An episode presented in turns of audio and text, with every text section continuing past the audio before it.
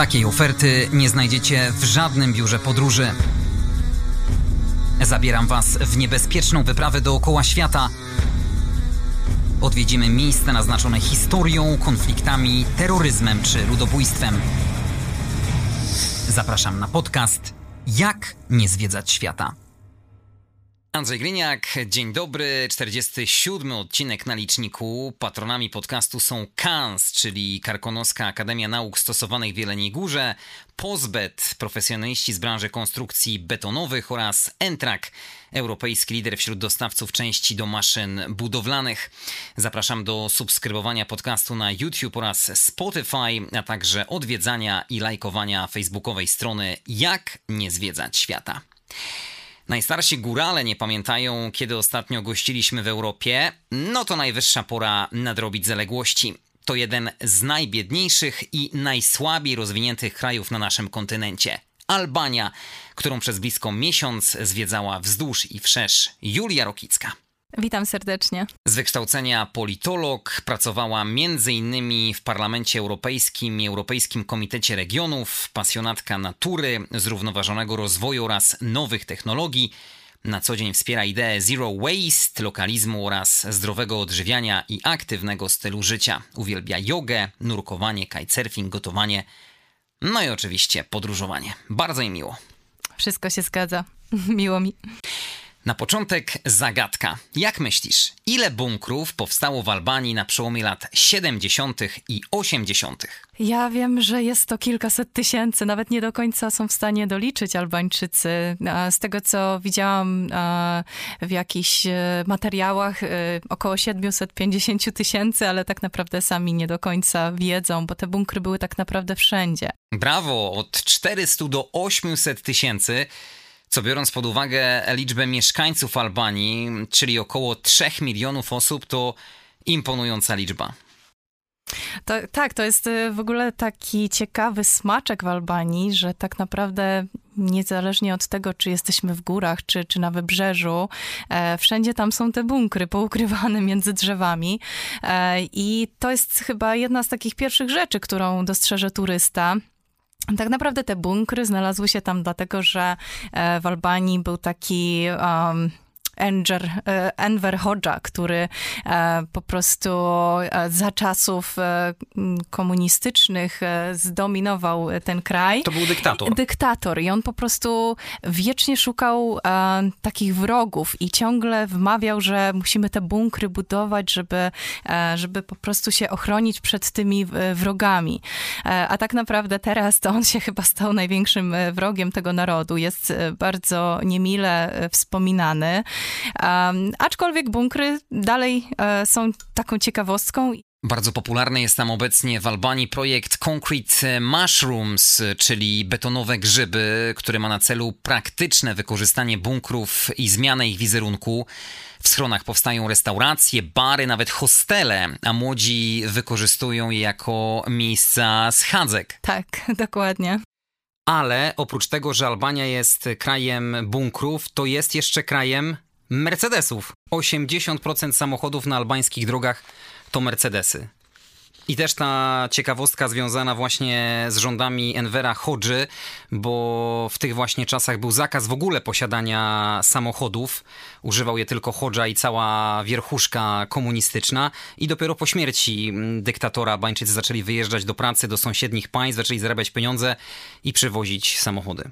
Tak, y, faktycznie tych Mercedesów tam jest mnóstwo e, i jeszcze też taki ciekawy wątek, który, który ja tam dostrzegłam, jest e, mnóstwo żółtych taksówek e, i to jest taka taka pozostałość po tym, że Albańczycy są tacy zachwyceni Stanami Zjednoczonymi, e, widać to też właśnie na, na każdym kroku, bo i ulice są właśnie e, nazwane mm, od jakichś amerykańskich prezydentów na przykład. Są kasyna, nawet w jakichś najbiedniejszych miejscowościach. E, wszędzie właśnie te żółte taksówki, najczęściej Mercedesy, tak jak też wspomniałeś. I może to być też pozostałość po tym, że po po wojnie ta diaspora albańska e, w Stanach, ona bardzo aktywnie wspierała właśnie odbudowę kraju też finansowo, więc może też dzięki temu właśnie tych aut się więcej pojawiło, aczkolwiek ja na drogach widziałam też e, takie dość dziwne pojazdy, które w Europie chyba już dość rzadko są e, gdzieś tam dostrzeżone, jakieś takie własne, własnej roboty pojazdy, albo na przykład rowery, na których jechały trzy albo cztery osoby. Także mm, jeśli chodzi o transport, to tam jest y, dość dziko. Podejrzewam, że jak w krajach y, afrykańskich czy Ameryki Południowej niekiedy. Albańczycy coraz częściej kupują samochody, ale jeszcze nie tak dawno te drogi były w opłakanym stanie. Zgadza się, wszystko się zmienia i e, kiedy ja tam byłam, to już niesamowite zmiany widać było e, właśnie w infrastrukturze e, i takie nowe drogi, właśnie zbudowane, często wyglądające nawet lepiej niż w Polsce. Aczkolwiek tam wszystko jakby od podstaw jest budowane. W niektórych miejscach w ogóle nie było dróg, nie było dojazdu, na przykład do jednej z takich najpiękniejszych plaż w ogóle e, nie było jeszcze jakichś jakiś czas temu drogi. E, teraz wiem, że jest tam wielki, e, wielka sieć e, budynków, apartamentów jakiś. Więc w Albanii faktycznie widać ten ogromny, szybki rozwój i taką chęć do tego, żeby jak najszybciej ten kraj się rozwinął w wielu aspektach. Ja byłam tak zafascynowana tym krajem, tak się zakochałam, że po powrocie ciągle tylko opowiadałam o tej Albanii. Nawet moi znajomi się śmiali, że, że ciągle tylko ta Albania. I nawet jak wyjechałam e, do Brukseli, to też chodziłam jeszcze na takie spotkania właśnie, jak daleko jest Albania od Unii Europejskiej i właśnie tu ci przyniosłam też, żeby pokazać gazetki, oczami których, wyobraźni musisz opisać. Oczami wyobraźni. To są pewnego rodzaju raporty i artykuły na temat tego, jaki Albania robi progres, e, ro, robi rozwój e, właśnie w infrastrukturze, albo jakie są możliwości inwestycyjne w Albanii. Oni naprawdę bardzo pragną tego, żeby ten kraj się rozwinął e, i żeby, żeby prosperował. Tym bardziej, że jedną z kluczowych gałęzi gospodarki w Albanii jest y, turystyka. Boom turystyczny rozwija się bardzo szybko. To jest taka perełka w Europie, moim zdaniem, bo ten kraj nie jest jeszcze aż tak turystyczny jak Grecja, Chorwacja i, tak dalej. E, mówi się nawet, że to są takie europejskie Malediwy. I ja tam się tak też trochę czułam niekiedy jak w Tajlandii, bo tam są takie meandrujące rzeki, takie kaniony, takie niesamowite jeziora, wodospady. Trochę jak w Stanach też. Trochę e, właśnie można było sobie wyobrazić, e, kiedy na przykład w niektórych miejscach była taka czerwona ziemia, że jak, jak na jakimś Marsie czy coś. Nie, naprawdę piękny, niesamowity kraj i jeszcze nie tak e, zagęszczony tymi e, turystami, e, ale właśnie też bardzo, bardzo ciekawy, historycznie niesamowity, bo e, tak naprawdę tam e, znajdziemy, mm, są różne wykopaliska archeologiczne jeszcze przez setki tysięcy lat e, i tam mamy wpływy kultury zarówno greckiej, jak i rzymskiej, tureckiej, więc to jest naprawdę coś pięknego dla fanów zarówno natury, bo tej jest strasznie dużo, właściwie dwie trzecie kraju to są góry. Wybrzeża są niesamowicie piękne, właśnie ta kolorystyka wody i, i ta dzikość, tyle tej roślinności, coś pięknego. No i oprócz tego właśnie ta historia, która jest tam na każdym kroku, Oprócz tego e, jeszcze też e, takie niepoznane trochę społeczeństwo, bo ja tam miałam naprawdę e, ciekawe spotkania, które zapadły mi bardzo głęboko w, w pamięć i w serce z ludźmi, którzy się cieszyli, że w ogóle widzieli turystów. Wydawało mi się, że widzieli pierwszy raz turystę na przykład z aparatem fotograficznym i po prostu byli tak wzruszeni.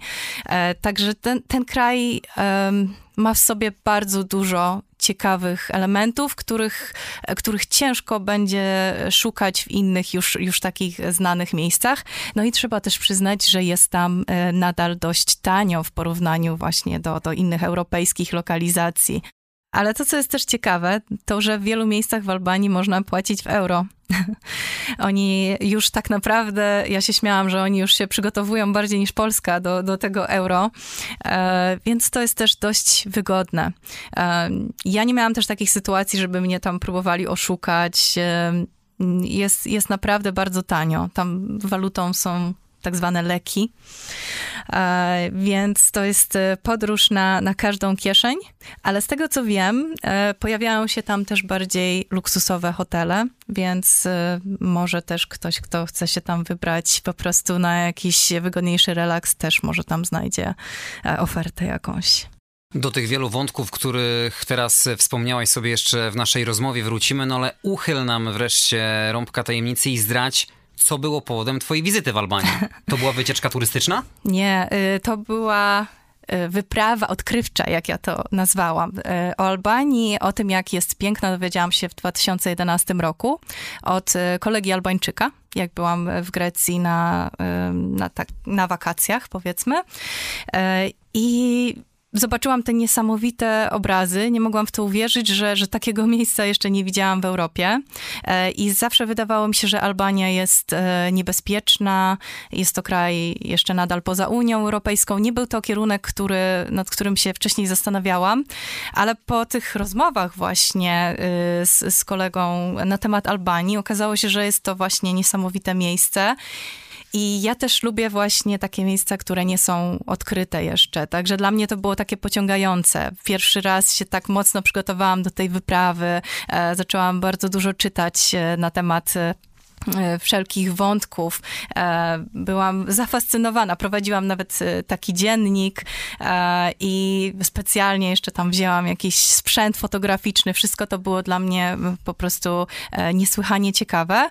I faktycznie trzeba było troszeczkę przecierać szlaki, bo w niektórych miejscach nie było, nie tyle, że nie było turystów, ale nawet mieszkańcy byli czasem niegotowi na przyjazd turysty. Na przykład chcieli kogoś ugościć w domu, ale mm, na przykład nie mieli nic na śniadanie, więc było widać, że oni tam e, tacy zaspani wychodzili, e, pokazują menu e, w restauracji, wybiera się coś i widać, że nagle e, ktoś z gospodarzy idzie do sklepu jeszcze kupić jakby te produkty.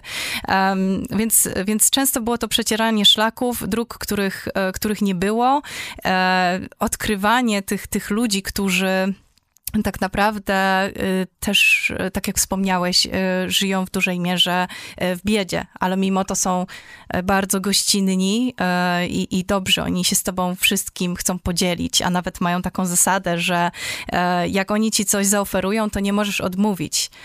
I ja też miałam taką historię, może nie chciałabym polecać, żeby tak robić teraz, bo w dzisiejszych czasach może, może być różnie, nie chcę dawać rady, ale ja dołączyłam też do różnych różnych forum e, na temat Albanii e, i tam złapałam kontakt też z jakimiś lokalsami. E, I do tego stopnia szczególnie jedna osoba mnie zaskoczyła, że z, zrobił nam ten facet tak takie lokalne wycieczki wokół Tirany. Zostawił nam w ogóle swoje mieszkanie, żeby w nim mieszkać. Zabrał nas na wzgórze, w którym po prostu zaoferował nam wielką ucztę. E, zadbał dosłownie o każdy element e, i nic właśnie nie chciał w zamian, więc musieliśmy mu ostatecznie kupić jakiś prezent, no bo pieniędzy by nie przyjął. Oni są bardzo dumni, ale też właśnie bardzo, bardzo gościnni i, i dobrzy. Ale widać też może jeszcze mm, tak dodam, że widać czasem na, na ich twarzach, że po prostu są smutni, przepracowani, biedni, i, I właśnie niestety to się, na, to, to, się w tym społeczeństwie też odzwierciedla. Podkreślasz na każdym kroku tą otwartość ze strony Albańczyków. Bez problemu można się z nimi porozumieć w języku angielskim? Nie powiedziałabym, że bez problemu, e, bo nie wszyscy tam mówią po angielsku. O dziwo, e, młodzież czy, czy młodzi ludzie bardzo często mówią całkiem dobrze po angielsku, nawet w porównaniu z chociażby Francuzami czy innymi nacjami, które wydawałoby się, że, że są gdzieś tam bliżej tego angielskiego. Ale zawsze próbują pomóc, nawet e, jeśli nie są w stanie się jakoś dogadać, to próbują właśnie e, mową ciała. E, ja pamiętam też, że to mnie zaskoczyło, że na tak potrząsają głową, a na nie kiwają głową, więc troszkę możemy trzeba, się trzeba zamieszać. Czujnym. Trzeba być czujnym i też właśnie mm, jak, jak się właśnie o coś dowiaduje, no to też trzeba mieć to na uwadze uwadze, żeby, żeby gdzieś nie zabłądzić. Aczkolwiek też Albańczycy bardzo dobrze znają swój kraj, znają swoją okolicę e, i chętnie pomagają. To, to nie jest taka nacja jak, jak niektóre, że specjalnie powiedzą e, inny kierunek, żeby gdzieś tam dojść i są jednak bardzo e, pomocni. Tak. Gdzieś nawet jak, jak podróżowałam, to też miałam, ciągle się w kółko kręciłam i ja co prawda w Albanii nie byłem, ale miałem poniekąd możliwość poznania e, mentalności Albańczyków właśnie będąc w Kosowie, Mitrowica. E, to jest takie wyjątkowe miejsce, e, miasto podzielone na dwie części. Rzeką Ibar między część serbską a między część albańską. I ten most 24 godziny na dobę e, pilnują e, wojskowi. Byłem po jednej i po drugiej stronie. Po stronie serbskiej e, taka nieufność do obcych, hermetyczne środowisko. Potem poszedłem na stronę albańską i tam ci ludzie witali mnie z otwartymi rękoma. Pyszne jedzenie, tańce, uśmiechy, taki pozytywny vibe.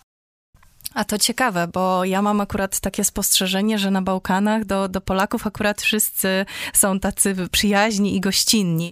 Tylko, że Serbowie nie wiedzieli skąd jesteśmy. Może pomyśleli, że jesteśmy Amerykanami, którzy są przez nich, no delikatnie mówiąc, bardzo nielubiani to jest to, to jest to. Niestety właśnie e, na Bałkanach jest bardzo dużo jeszcze e, tych zaszłości historycznych, które e, ludność pamięta. I w Albanii również, bo tutaj mówimy o tym konflikcie dotyczącym Kosowa, który tak naprawdę w 2008 został teoretycznie zażegnany. Natomiast jak czytam, to nawet niedawno był konflikt dotyczący tablic rejestracyjnych na przykład, E, też teraz, e, jak mamy tą wojnę na Ukrainie, to też e, jakieś takie prorosyjskie postawy tam właśnie w Serbii zaczęły się w Serbii w związku z Kosowem aktywować. Także to, to musimy mieć na uwadze, dlatego jak ktoś tam się wybiera, to warto pamiętać, żeby mówić dobrze tylko o, o Albanii i podobnie jak się jedzie do innych krajów, na przykład do Serbii czy innych właśnie sąsiadujących. Moim pierwszym gościem podcastu był Dominik Dąbrowski, który stacjonował w Kosowie w ramach sił stabilizujących. Opowiedział mi ciekawostkę, dlaczego zarówno Serbowie, jak i Albańczycy lubią Polaków. Serbowie szanują nas za to, że mimo, że paradoksalnie polski rząd Donalda Tuska uznał niepodległość Kosowa, to jednak nasza liczna grupa społeczeństwa wspierała hasła Kosowo i Serbia. Albańczycy lubią Polaków za to, że nasi żołnierze czy policjanci bronią ich w Kosowie przed Serbami. Tak, to, to jest ciekawe. Faktycznie to widać na, na Bałkanach, że e, wszystkie te nacje bardzo lubią Polaków i są strasznie gościnne, pomimo że e, zdaje się, że biedniejsze od, od Polski znacznie. Albanię w bardzo krótkim czasie poznałaś niemal od podszewki, tym bardziej, że to bardzo mały kraj. Co warto w Albanii zobaczyć, głównie z takich mniej komercyjnych miejsc, które preferują nasi słuchacze? Faktycznie to jest e, bardzo mały kraj, więc też daje nam e, duże pole do manewru, żeby e, szybko je zwiedzić, bo jest to kraj mniejszy nawet niż województwo mazowieckie chociażby, więc można w różne ciekawe zakątki się wybrać. Z takich bardzo pięknych miejsc, e, które nie są tak bardzo turystyczne, e, polecałabym e, na północy, na przykład miasto Szkoder i, i tam jest też jezioro niesamowite góry. Dalej jest miejscowość Tropoje. To jest w takim bardzo nawet um, mało dostępnym też terenie troszkę, bo tam właśnie te góry, wodospady, e, rzeka, e, tam jest też park narodowy e, i nie jest to jedno z pierwszych miejsc, które ktoś by chciał odwiedzić, ale jest naprawdę niesamowite. Mm, jeśli chodzi o takie może Mm, najbardziej turystyczne miejsce to, jest, to są okolice Sarande. To tam e, faktycznie, jeśli ktoś chce szukać e, wrażeń, m, mm, innych wrażeń i spokoju, to polecałabym żeby ominąć to miejsce i wybrać się na przykład na piękne plaże e, w okolicy miejscowości Vlore na przykład, e, do miejscowości Laman albo Dermi. Dla wszelkich e, miłośników natury zaledwie mm, kawałek, zaledwie kawałek drogi od Sarande jest taka piękna miejscowość Geocaster i ona jest na liście UNESCO. To jest tak takie średniowieczne e, miasto jeszcze. E, miasteczko przepiękne, ale też niedaleko jest e, tak zwane niebieskie oko, które jest taką bardzo głęboką rzeką e, we wszystkich odcieniach niebieskiego chyba. E, I tam też wokół jest mnóstwo zieleni, e, mnóstwo pięknych miejsc do odwiedzenia. Tak naprawdę w Albanii, gdzie by się nie poszło, to jest coś ciekawego do odkrycia. I tak jak mówię, z punktu widzenia mm, historycznego, jeśli ktoś jest zakochany na przykład w historii Grecji, to odnajdzie tam takie osady greckie, jak na przykład Apolonia, e, albo na przykład miast, tak zwane miasto tysiąca okien, e, Berat, w którym ja nie spotkałam osobiście chyba e, żadnych turystów wtedy, a jest to piękna miejscowość, cała biała, na wzgórzu, takie budynki właśnie z tymi oknami patrzącymi na, na rzekę, na piękny most. Um, jest e, mnóstwo zamków niesamowitych też e, do, do odwiedzenia i e, po prostu w, w całym kraju w zasadzie są przepiękne, przepiękne smaczki. Zgodzisz się ze mną, że taką turystyczną wizytówką Albanii jest jedno z najstarszych starożytnych jezior na świecie, czyli jezioro Ochryd?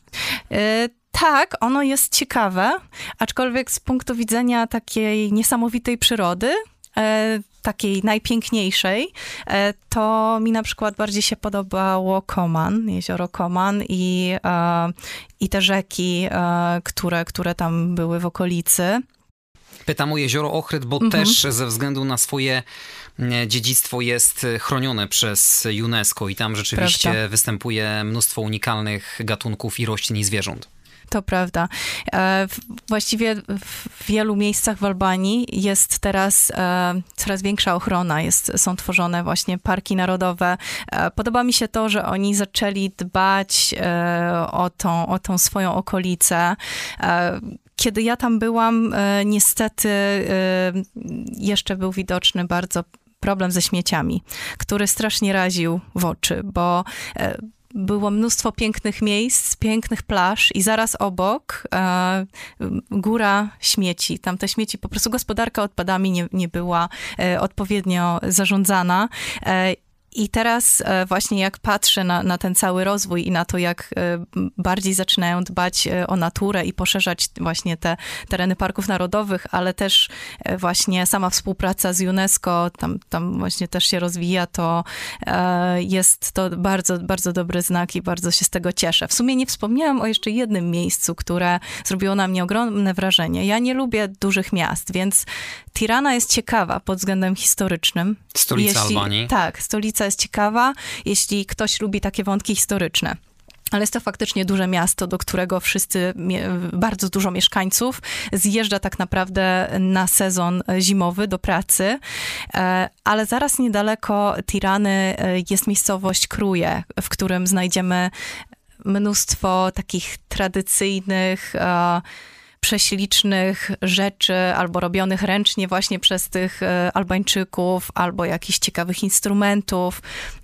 Naprawdę warto, warto to miejsce odwiedzić. Aczkolwiek nawet jeśli ktoś e, nie zaplanuje dobrej, e, dobrze tej podróży, to właściwie w całej Albanii coś ciekawego e, go spotka i coś ciekawego zobaczy. A jak najlepiej poruszać się po Albanii, żeby zobaczyć te wszystkie miejsca?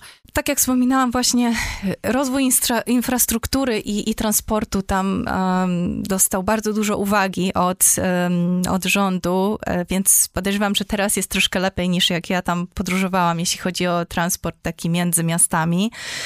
E, aczkolwiek e, myślę, że dalej polecane jest pewnie wypożyczenie samochodu jednak e, i to wtedy jak ja byłam, to polecali samochód terenowy i nawet pożyczyliśmy inny i przebiło się koło i to też była ciekawa historia. Pomogli Albańczycy? Pomogli i to jeszcze Albańczyk, który mówił w ogóle chyba w czterech językach, bo w ogóle Albańczycy są naprawdę mega ciekawi, um, ale wszystko jakby obróciło się w taką miłą przygodę. E, aczkolwiek e, jeśli chodzi o inne środki transportu, e, w samej Albanii to, to w niektóre miejsca po prostu nie dotrzemy komunikacją taką publiczną. Ciekawym tematem na całych Bałkanach jest komunikacja. To bałkańskie podejście do punktualności i trzymania się rozkładów jazdy pokazuje choćby moja podróż po Bośni.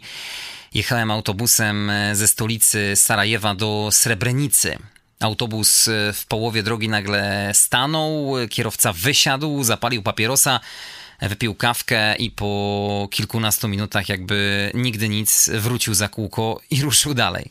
To właśnie też były moje takie obserwacje z, z tej podróży, e, ale z kolei na drogach właśnie mnóstwo tych rozklekotanych pojazdów e, widziałam, jakieś połączonych tutaj z osiołkiem, tutaj jakiś stary autobus.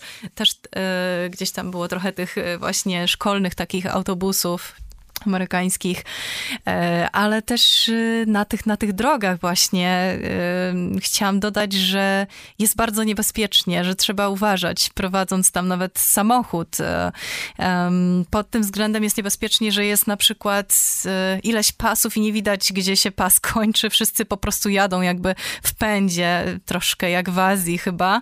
E, I tak naprawdę jest ta zasada, że im większy pojazd, tym bardziej ma pierwszeństwo. Ja tam widziałam e, mnóstwo wypadków i to takich śmiertelnych właściwie na jednej drodze to, to co chwilę, więc e, trzeba wziąć pod uwagę ten temperament też e, bałkański czy, czy albański, ale autobusem taka przejażdżka na pewno też byłaby ciekawym doświadczeniem. Poruszając się po albańskich drogach, trzeba podobno uważać na skorumpowanych policjantów. Ja tego nie doświadczyłam. Faktycznie o tym, o tym czytałam, kiedy e, wybierałam się do Albanii. E, nie miałam żadnych niemiłych przygód z samą e, policją i, i takiej historii, że gdzieś tam trzeba ich przekupić, żeby, żeby puścili turystów. Um, a faktycznie auto jeszcze było oznakowane. Widać było, że, że to jest auto z wypożyczalni, więc e, można było się wtedy spodziewać, że, że jest się celem. Ale e, ja, mnie to nie spotkało. Raczej E, były takie nietypowe sytuacje czasem z, z ludnością. Myślę, że cały czas dużo się zmienia na lepsze, ale wtedy jeszcze um, pamiętam taką sytuację, e, że po drodze gdzieś, gdzieś w górach e, spotkaliśmy po prostu człowieka z takim kałasznikowem e, i on wyglądał bardzo groźnie i zaczął iść w naszym kierunku i, i po prostu uciekliśmy. E, ja nie uważam, że Albania jest jak jakimś niebezpiecznym miejscem. Uważam, że wszędzie trzeba być ostrożnym e, i może też czasem wycofać się w odpowiednim momencie, nie przekraczać tej granicy, jak już się widzi, że, że może za dużo jest dla miejscowych. E, wszędzie można wpaść w tarapaty. E, ale i, i, wszędzie myślę, że można paść ofiarą właśnie jakichś policjantów czy innych osób, które chcą, chcą nas oszukać, okraść. Natomiast w Albanii e, uważam, że mimo wszystko jest to dość bezpieczny kraj e, i że warto też e, trochę e, zaufać, e, zaufać e, tym ludziom i też pozytywnie podejść do tej podróży, bo oni też bardzo doceniają właśnie pozytywne nastawienie i że coś już się wie o tym kraju. Ten dostęp do broni nie tylko w Albanii, ale na całych Bałkanach jest bardzo powszechny.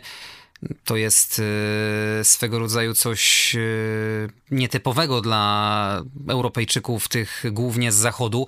Pamiętam w Serbii czy w Bośni, nawet e, przy wejściu do kina, teatru jest przekreślona broń z zakazem wchodzenia. To prawda, jak to faktycznie nas zaskoczyło, aczkolwiek Czytałam też na przykład różne fora i wypowiadali się na przykład Amerykanie, którzy mieszkali też e, przez jakiś czas w Albanii, czy Albańczycy może e, z pochodzenia Albańczycy, którzy mieszkają w Stanach.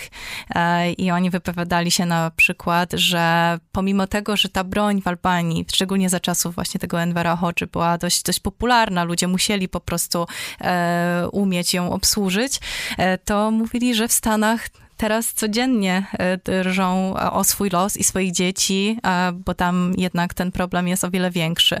Mam wrażenie, że Albania przez te, mm, przez te lata ostatnie się bardzo zbliża właśnie do Unii Europejskiej. Zresztą jest już oficjalnym e, kandydatem e, do, do naszej wspólnoty i że bardzo też e, starają się e, o pewne rzeczy zadbać, właśnie o to, żeby mieć wspólne wartości właśnie z tą wspólnotą.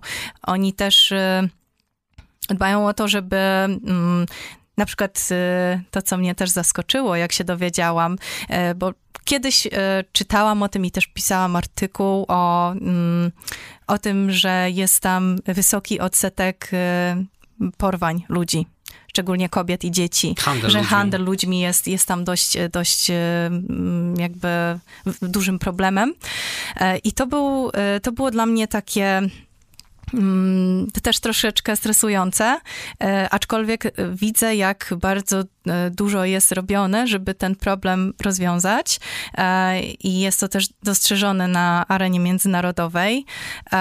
Zaskoczyło mnie też, jeśli chodzi o prawa kobiet na przykład, to, że tam na ulicach widziałam kobiety głównie na czarno ubrane, dużo też e, w burkach oczywiście. E, I... Bo większość Albańczyków to muzułmanie. Właśnie teraz już chyba nie, ale faktycznie, y, faktycznie ten islam jest tam obecny, bo to wszystko zaczęło się od, y, od tej y, tureckiej dominacji wcześniej, ale te wątki właśnie religijne też są ciekawe, bo oni są bardzo tolerancyjni. Na przykład to jest jedyny kraj, który święci wszystkie trzy święta, czyli islamskie, prawosławne i katolickie.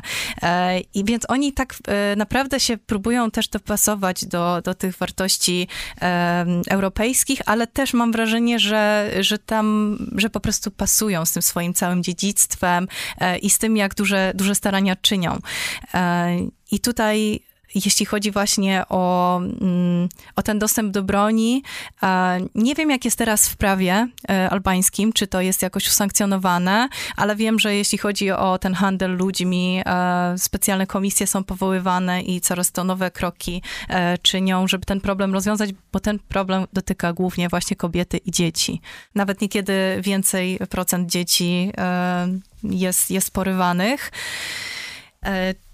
I to też widać w Albanii jako w takim kraju perspektywie jeszcze dalej kraju biednego, że tam e, dzieci często e, służą dorosłym e, do tego, żeby pomagać im w pracy. I to faktycznie widać w różnych miejscach, na ulicach. Te dzieci pracują, pomagają, przenoszą pewne rzeczy, coś sprzedają.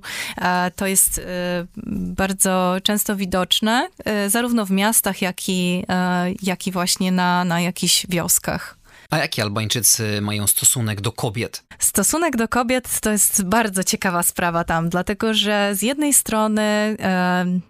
Tak jak już rozmawialiśmy, w dużej e, mierze mamy tam e, islam, e, więc wiele kobiet chodzi w tych burkach. Ja na przykład pierwszy raz w ogóle widziałam kobietę pływającą w całym stroju, w morzu. to, było, to był na pewno dla mnie taki szok kulturowy ale też y, właśnie tak jak y, tutaj wspominałam, wiele kobiet y, ubranych na czarno i ta, ten stosunek do kobiet może nie do końca wychodzi z, z islamu. Właśnie tam wydaje się, że bardziej to jest ten e, patriarchalny system e, rodziny, który jeszcze, poja jeszcze pojawił się tam zanim w ogóle e, islam przyszedł do Albanii. To to faktycznie tam możemy zaobserwować.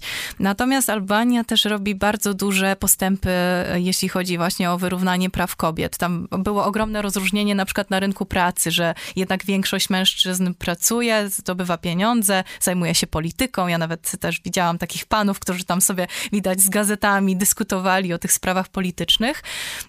A kobiety właśnie zajmujące się bardziej domem, e, dziećmi, Ale Albania właśnie bardzo dużo robi takich e, programów, które pomagają e, kobietom i też NGOsy w tym w sumie wspierają, e, żeby pomóc kobietom e, właśnie się też troszkę uniezależnić. I co ciekawe, e, Albania jest e, w, w, top 10 krajach na świecie, które, w których jest tak wysokie uprawnienie, równouprawnienie kobiet w parlamencie, bo tam jest 40, ponad 45% e, ministerialnych pozycji e, to są kobiety. Także bardzo duży progres e, widzimy, bardzo duży rozwój w kierunku właśnie tego, tego wdrożenia kobiet, ale też rozwiązania różnych problemów, z którymi one się stykają. Na przykład ogromnym problemem są, jest ten handel ludźmi, który dotyka właśnie głównie kobiety i troszkę to jest taki system oszukiwania. E, kobiety chcą się na przykład wyrwać, e, to szczególnie te z biednych górskich e, miejscowości, chcą się wyrwać jakby z tego systemu i obiecywane są im jakieś fałszywe małżeństwa. I one po prostu idą za tym, a później trafiają do różnych domów publicznych i tak naprawdę często też w pewnego rodzaju niewolę.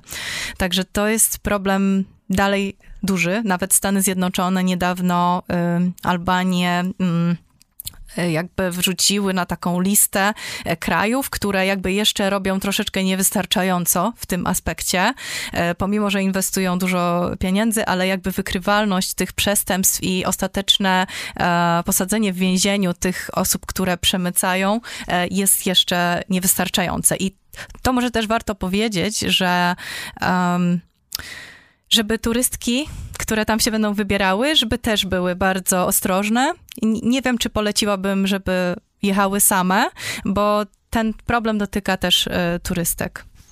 Bardzo często poruszasz e, wątki tej sympatii Albańczyków e, do Stanów Zjednoczonych. Może wytłumaczmy w kilku zdaniach naszym słuchaczom, skąd ta miłość. Na pewno jednym z takich kluczowych elementów jest Kosowo, no bo wiadomo, że Amerykanie bardzo mocno optowali za tym, żeby utworzyć to niepodległe państwo, wbrew oczywiście działaniom serbskim.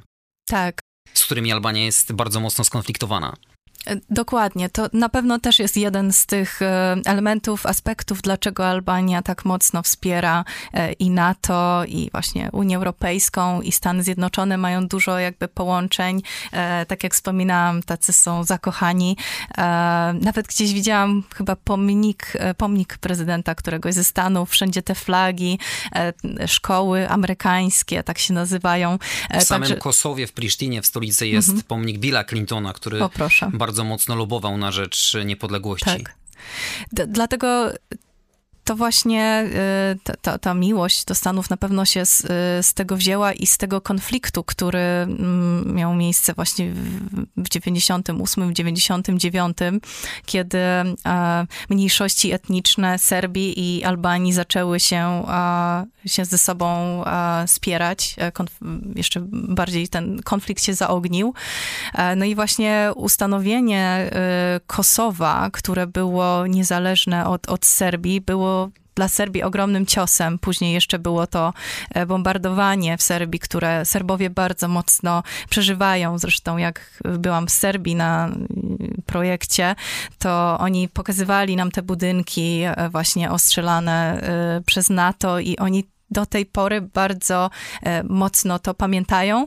I to jest też pewnie e, przyczyną tego, że obecnie podczas tego e, konfliktu z Ukrainą Rosja próbuje w tym terenie też trochę rozgrzać atmosferę i pod, podburzyć troszkę Serbów przeciwko właśnie chociażby Albanii, czy, czy po prostu w tym konflikcie z Kosowem. E, I, I, dlatego chyba ten teren się nazywa też taki bałkański kocioł, ale ma w sobie tyle uroku, że naprawdę mm, warto, warto tam e, się wybrać. A co możemy dobrego zjeść w Albanii? To jest e, ciekawe pytanie, bo ja od e, długiego czasu jestem weganką. Wtedy jeszcze nie byłam e, i w Albanii spożywa się dużo mięsa. różnego rodzaju. I na tych ucztach faktycznie oni nam to serwowali. To co najlepsze i w całkiem dużych ilościach, bo chcieli dać wszystko, co mieli.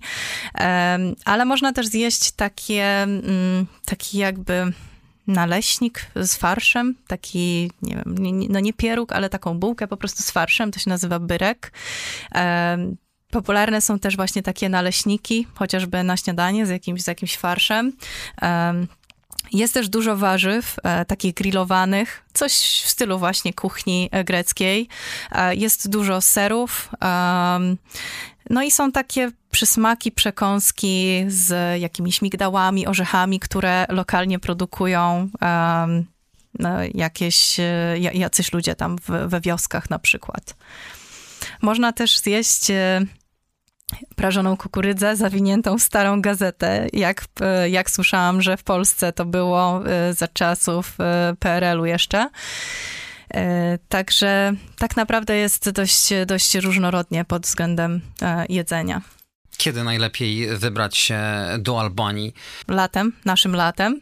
E, moim zdaniem, bo wtedy i woda będzie cieplejsza w, w morzu e, i będzie po prostu przyjemniej. E, w górach jednak jest dość chłodno i na przykład rzeki, które tam płyną prosto z gór, one są lodowate. Człowiek chciałby tam chwilę postać w tej błękitnej, turkusowej rzece, ale nie jest w stanie. Z takich atrakcji, na przykład jeśli ktoś by chciał wybrać się na rafting, to najlepiej na wiosnę, dlatego że te rzeki, ta, ta woda jakby wzbiera w rzekach. W momencie, kiedy ja tam byłam e, w środku lata, to w niektórych miejscach rzeki były wysuszone i były tylko mosty i było widać jakby koryto rzeki i tyle. E, zależy czego tak naprawdę szukamy, ale wydaje mi się, że... Mm, między wiosną a, a latem to byłby ten najfajniejszy czas, kiedy też wszystko e, kwitnie, ta roślinność jest właśnie taka wiecznie zielona. Z tego co wiem, jest tam też troszkę e, sportów zimowych, takich e, na przykład na takich śmiesznych butach połączonych z nartami się chodzi. Nie wiem, czy już jest infrastruktura do zjeżdżania na nartach, ale góry są niesamowite, więc e, jeśli jest taka możliwość, to zima musi być też piękna. E, ale też nie, nie wiem, jak, e, jak to by wszystko wyglądało właśnie na zimę, bo tam są też takie miasteczka, które są całe z, e, z kamieni, takich e, bardzo już wygładzonych od chodzenia. Podejrzewam, że kiedy na przykład spadnie deszcz, to musi tam być bardzo ślisko, ale lato na pewno, na pewno super. A jak wygląda kwestia bezpańskich psów? Bo to jest problem i to duży całych Bałkanów. Pamiętam bardzo dużo y, samotnych czworonogów błąkało się po ulicach y, Macedonii czy Kosowa. To prawda, wszędzie te, te, psy są, ale z tego co pamiętam, nawet w Grecji również e, dużo jest tych bezpańskich zwierząt. W Albanii e, było bardzo dużo takich wychudzonych zwierząt. Widać było, że tam za bardzo ich może nikt nie dokarmia. E, ogólnie było widać e, w wielu miejscach e, biedę zarówno po, po ludziach, jak i po zwierzętach. A kto jest y, największym ambasadorem albańskim na arenie międzynarodowej? Hmm. Kojarzy mi się Dua Lipa, ta wokalistka tak, słynna, to prawda, że która bardzo mocno ona jest, promuje. Ma korzenie y, albańskie częściowo i nawet słyszałam, że jakąś wielką willę planuje tam zbudować w Albanii. E, na pewno ona, z drugiej strony nie, nie wiem, kto jeszcze. Y, ja poznałam jakichś polityków właśnie albańskich, będąc w Brukseli i, e, i tam też dowiadywałam się, jak, jak ich rozwój w różnych aspektach przebiega, ale taką ciekawą postacią, która z, z przeszłości jest właśnie częściowo z Albanii, też jest Matka Teresa. Um, czyli historycznie też właśnie um, ciekawy jest ten wątek.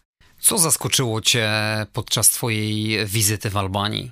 Najbardziej zaskoczyło mnie piękno natury oczywiście e, i to na jak małym fragmencie jest e, tak wiele różnorodnych krajobrazów od gór przez, przez morze, rzeki, wodospady, e, kaniony i tak dalej. To, co mnie zaskoczyło w Albanii, to ludzie. Z jednej strony tacy mm, posępni, poważni. Czasem jak się na nich popatrzyło, to aż tak ciarki przechodziły. Były takie sytuacje, jak wspominałam, z tym, z tym facetem z bronią, albo na przykład e, z facetem, który miał w samym środku lata na łańcuchu niedźwiedzia. E, albo na przykład z z takich pozytywnych historii, kiedy jechaliśmy już w takie bardzo odległe wiejskie e, niepoznane tereny. E, tam po prostu ta ludność chodziła ze swoimi zwierzętami, wyprowadzała je, jakieś kozy, świnie i tak dalej. E, I spotkaliśmy takie małżeństwo, które, które się strasznie ucieszyło, że, że spotkali jakichś ludzi. I zaczęli e, pokazywać jakby swoją najpiękniejszą kozę. E, za, e, szybko tak szukali te, tej kozy najpiękniejszej i tak ją wypchnęli do, do zdjęcia jakby. To było coś niesamowitego i dużo ciepła jednak właśnie, właśnie w tych ludziach. Też e, miałam taką sytuację, że zobaczyłam takie dzikie konie, które nie miały żadnej obroży, e, niczego i, um, i nagle pod, podchodzi do nich pan z takim sznurkiem, zawiązuje sznur wokół, wokół pyska tego konia. Facet w ogóle z taką e, koszulą rozchełstaną, tu widać takie mięśnie, że widać, że taki człowiek pracy e, i on e, tak się też znowu ucieszył widząc turystów i wzruszył i miałam wrażenie, że jak zrobiłam mu zdjęcie, jak mu pokazałam to, bo on chciał zobaczyć te zdjęcia po angielsku, oczywiście e, nie mówił, ale widziałam jego e, z języka, jego ciała, że chce zobaczyć te zdjęcia i on był tak wzruszony, to było po prostu widać po, po jego oczach. E, podobnie też właśnie inne osoby, które były dumne po prostu z posiadania jakiegoś zwierzęcia, na przykład pan e, z osiołkiem, który mu, e, na którym tam sobie zawiesił jakieś sprzęty do malowania przy swoim domu. E, I widać, że ci ludzie po prostu dla nich takie podstawowe rzeczy, czy jakieś otaczające nas istoty, są tak ważne. Może nawet właśnie nie pieniądz czy coś luksusowego, tylko właśnie coś, o czym my może zapomnieliśmy. I to było takie piękne, takie dostrzeżenie e, prawdziwości tych ludzi oraz e, tego, że cieszy ich e, coś drobnego, z tego są dumni. Julia, jakie są Twoje najbliższe plany podróżnicze? Najbliższe plany podróżnicze. Mm, teraz troszkę przystopowałam i, i zatrzymałam się troszeczkę z tymi podróżami, żeby się skupić na czymś innym. E, najbliższy jest e, za niecałe trzy tygodnie, związany z pracą do Zurichu. Czyli Szwajcaria. Szwajcaria, czyli. Kontrast. Kontrast Albania jedno z najbiedniejszych miejsc w Europie, Szwajcaria jedno tak. z najdroższych. Ale może też to pokazuje y, właśnie ten rozwój i możliwości pracy, tak? aczkolwiek Albania, jestem przekonana, y, że niedługo znowu odwiedzę, bo chcę zobaczyć, co tam się zmieniło. E, I słyszałam, że tam są bardzo dobre możliwości inwestycyjne, e, o wiele korzystniejsze niż na przykład w Polsce. E, więc mam nadzieję, że Albańczycy dobrze zadbali o te wszystkie aspekty e, i że pozytywnie mnie znowu zaskoczą. A ja nieczęsto wracam do tego samego miejsca, Albanię faktycznie jeszcze raz odwiedzę i to też, to też polecam wszystkim słuchaczom. Julia Rokicka była gościem podcastu Jak nie zwiedzać świata, opowiadała nam o Albanii. Dziękuję bardzo za wizytę. Dziękuję bardzo. Jeszcze raz przypominam o zaglądaniu na facebookową stronę Jak nie zwiedzać świata, gdzie możecie znaleźć m.in. zdjęcia z wypraw moich gości, w tym oczywiście Julii do Albanii. Słyszymy się za tydzień w poniedziałek po godzinie 20. Andrzej Gliniak, wszystkiego dobrego.